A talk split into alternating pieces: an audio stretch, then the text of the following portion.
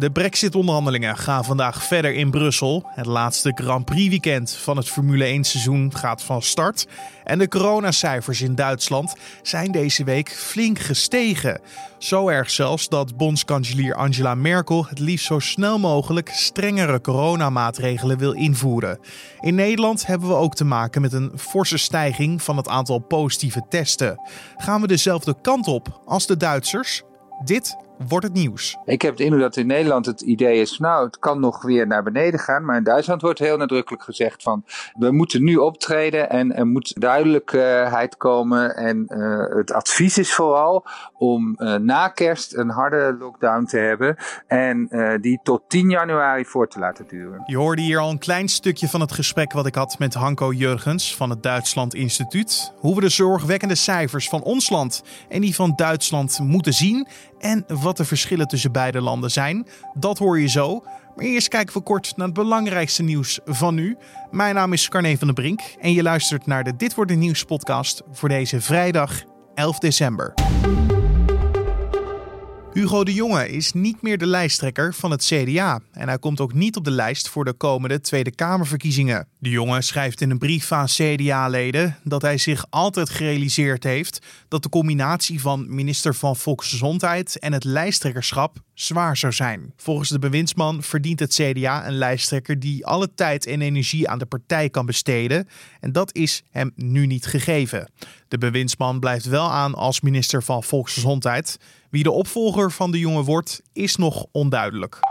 De EU-leiders zijn het in de nacht van donderdag op vrijdag eens geworden over uitbreiding van sancties tegen Turkije. De reden hiervoor zijn de illegale gasboringen in de Middellandse Zee bij Griekenland en Cyprus.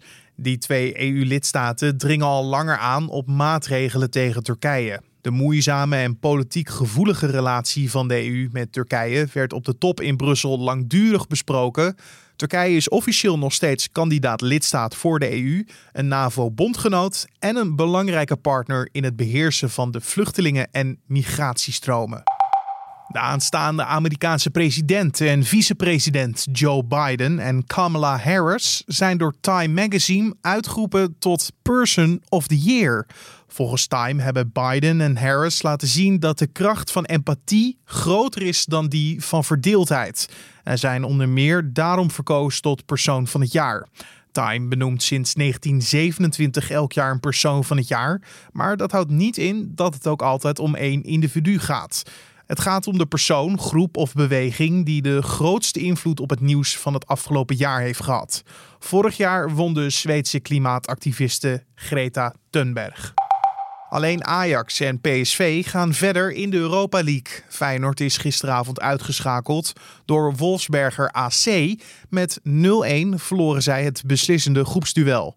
AZ is er ook niet in geslaagd de knock-outfase van de Europa League te bereiken. De Alkmaarders verloren in blessuretijd met 2-1 van het al uitgeschakelde Rikja en zagen concurrent Real Sociedad een punt pakken tegen Napoli. Maandag is de loting voor de volgende ronde en dan weten we tegen wie Ajax en PSV moeten spelen in februari. Ich will nur sagen, wenn wir jetzt vor Weihnachten zu viele Kontakte haben und anschließend es das letzte Weihnachten mit den Großeltern war, dann werden wir etwas versäumt haben. Das sollten wir nicht tun. Je hoorde hier bondskanselier Angela Merkel het volk toespreken. Want als je te veel contact hebt met mensen voor kerst, zou het wel eens de laatste kerst kunnen zijn met je grootouders. De afgelopen paar dagen stijgen het aantal positieve coronatests in Duitsland namelijk tot recordhoogtens. Tijdens kerst worden de maatregelen in Duitsland iets versoepeld. Maar door de zorgwekkende cijfers ziet Merkel liever dat de maatregelen worden aangescherpt.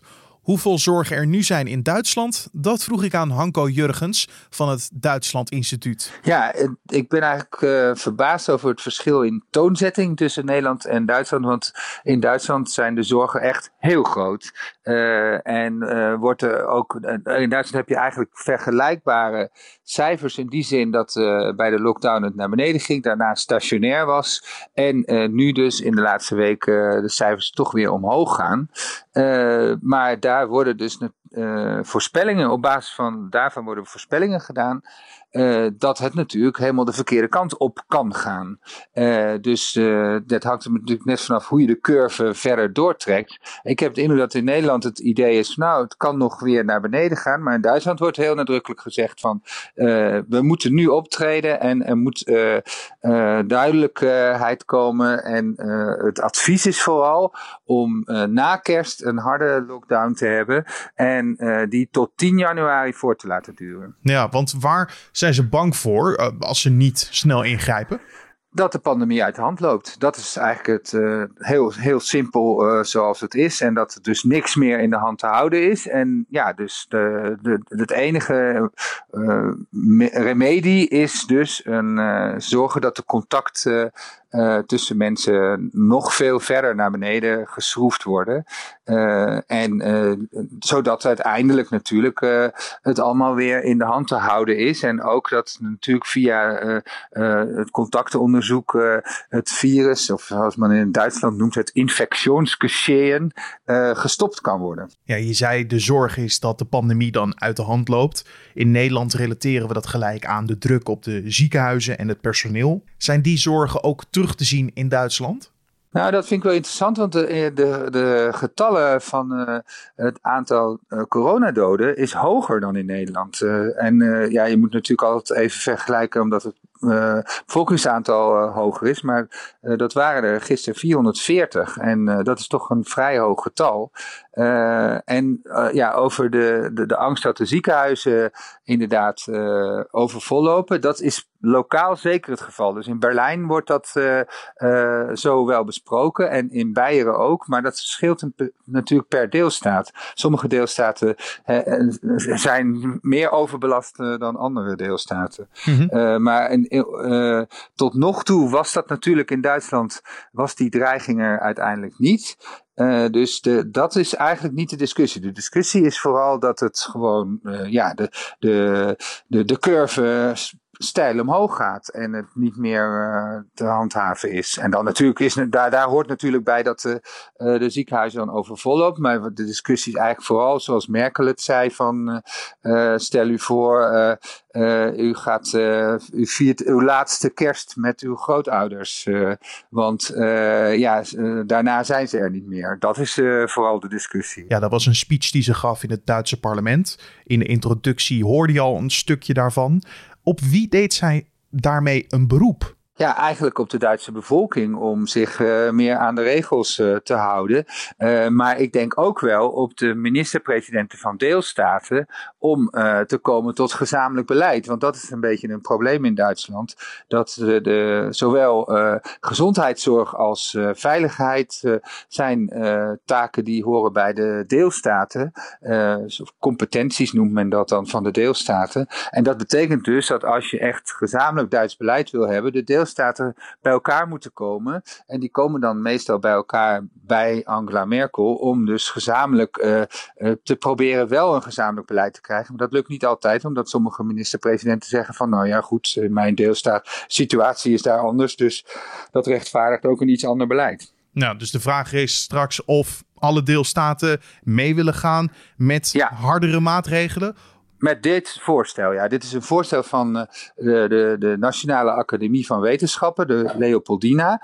En uh, Merkel heeft zich daarachter geschaard. En uh, die, die wil dit eigenlijk ook realiseren.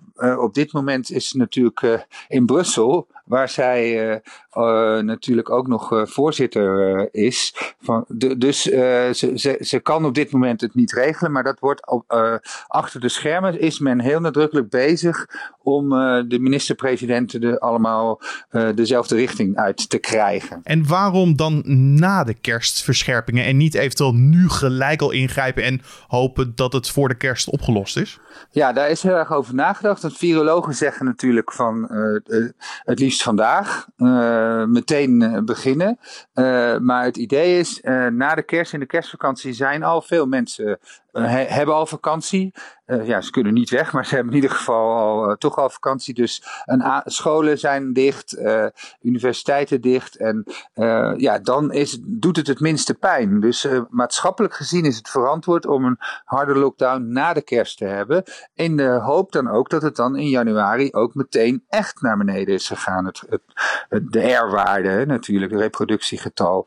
En zodat dus vanaf dat moment de pandemie weer helemaal uh, na te volgen is en besmettingsketens zijn te doorbreken. Ja, in Nederland hebben we nu echt ook te maken met een forse stijging van de dagelijkse coronacijfers.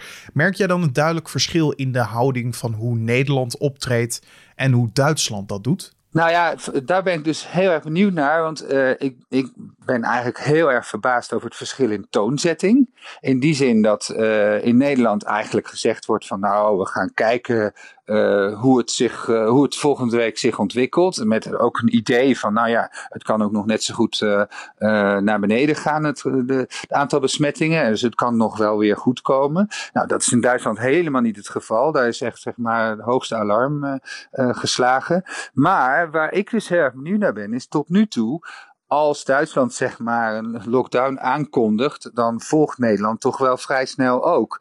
Dus de kans dat, Duitsland, of dat Nederland nu straks Duitsland weer volgt, uh, lijkt me toch best aanwezig. En dan heb je dus inderdaad dat uh, waarschijnlijk dit weekend of begin volgende week uh, die harde lockdown na kerst wordt afgekondigd door Duitsland. En dat Rutte uh, ja, in ieder geval ook gesteund door de buren, denkt van hmm, misschien moeten wij ook een dergelijke maatregel uh, uitvaardigen. En dat wij dus ook een lockdown na de kerst hebben. Dat is een heel interessant of dat, of dat scenario gaat werken. Zeg. Maar de reden waarom we nu afwachtend zijn is omdat we dan anderen de schuld kunnen geven. Omdat zij voor strengere maatregelen kiezen. Moeten wij dat ook wel? Nou, ik denk dat politici ook heel erg naar elkaar kijken. Uh, dit soort maatregelen, daar moet je toch wel een sterke rug voor hebben. En uh, je moet natuurlijk ook wel wat kritiek, tegen kritiek uh, kunnen. En als het blijkt dat Duitsland dit invoert, wordt het voor Nederland en de Nederlandse regering ook wel iets makkelijker om eenzelfde soort maatregel af te kondigen. Daar waar de getallen in Nederland net zo zorgwekkend zijn. Dus dan is dat ook, dus dat argument is makkelijk gemaakt. Ja, want we hadden het net ook over die emotionele uh, speech van Merkel. Uh, die in de media ook wel omschreven werd als een, als een moederfiguur die daar stond in het parlement. Is dat iets wat, wat wij misschien missen? Iemand die ons direct kan aanspreken in zo'n crisistijd? Nou ja, daar zit wel een, een punt. Dat uh, Merkel zegt voortdurend tegen de burger: onderschat het virus niet, blijf thuis.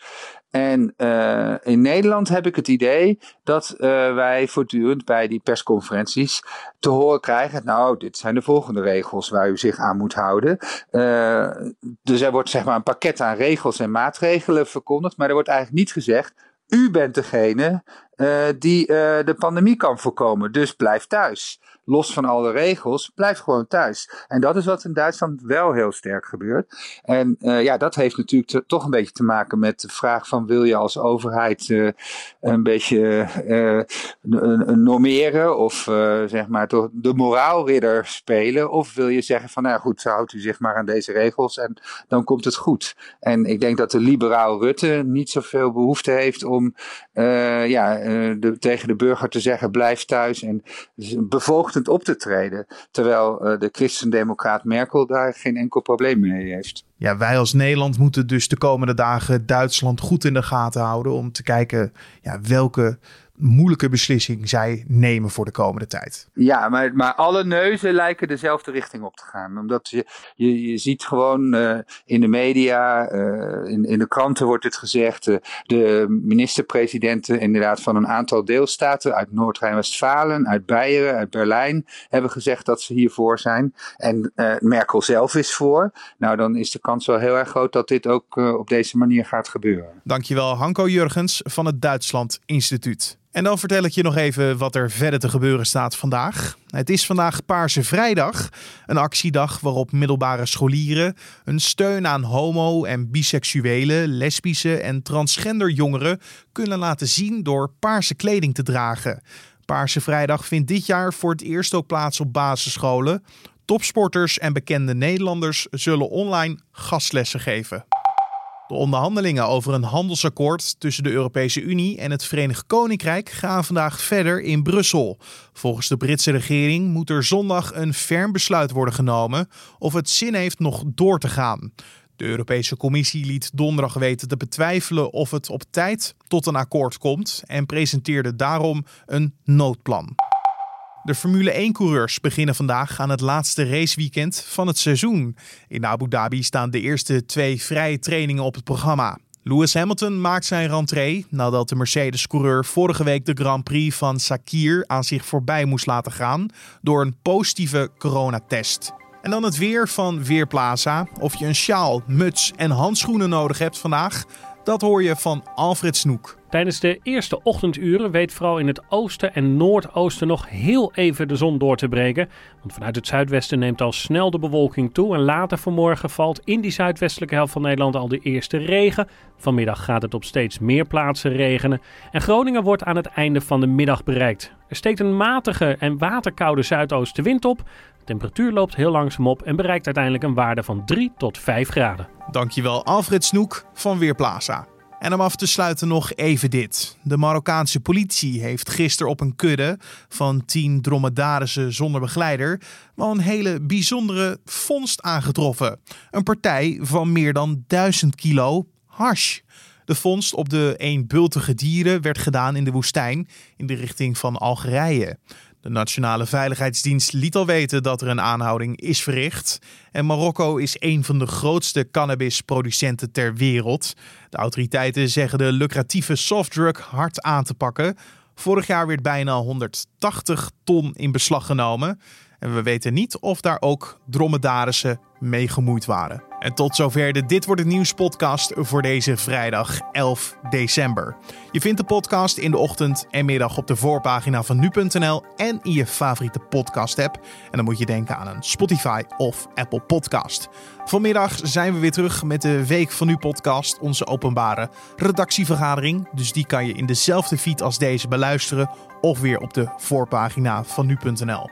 Heb je nog vragen, suggesties of feedback die we nog kunnen meenemen in de openbare redactievergadering? Stuur die dan door naar podcast.nu.nl. Podcast.nu.nl. Mijn naam is Carne van den Brink. Ik wens je een hele mooie dag en alvast een heel fijn weekend.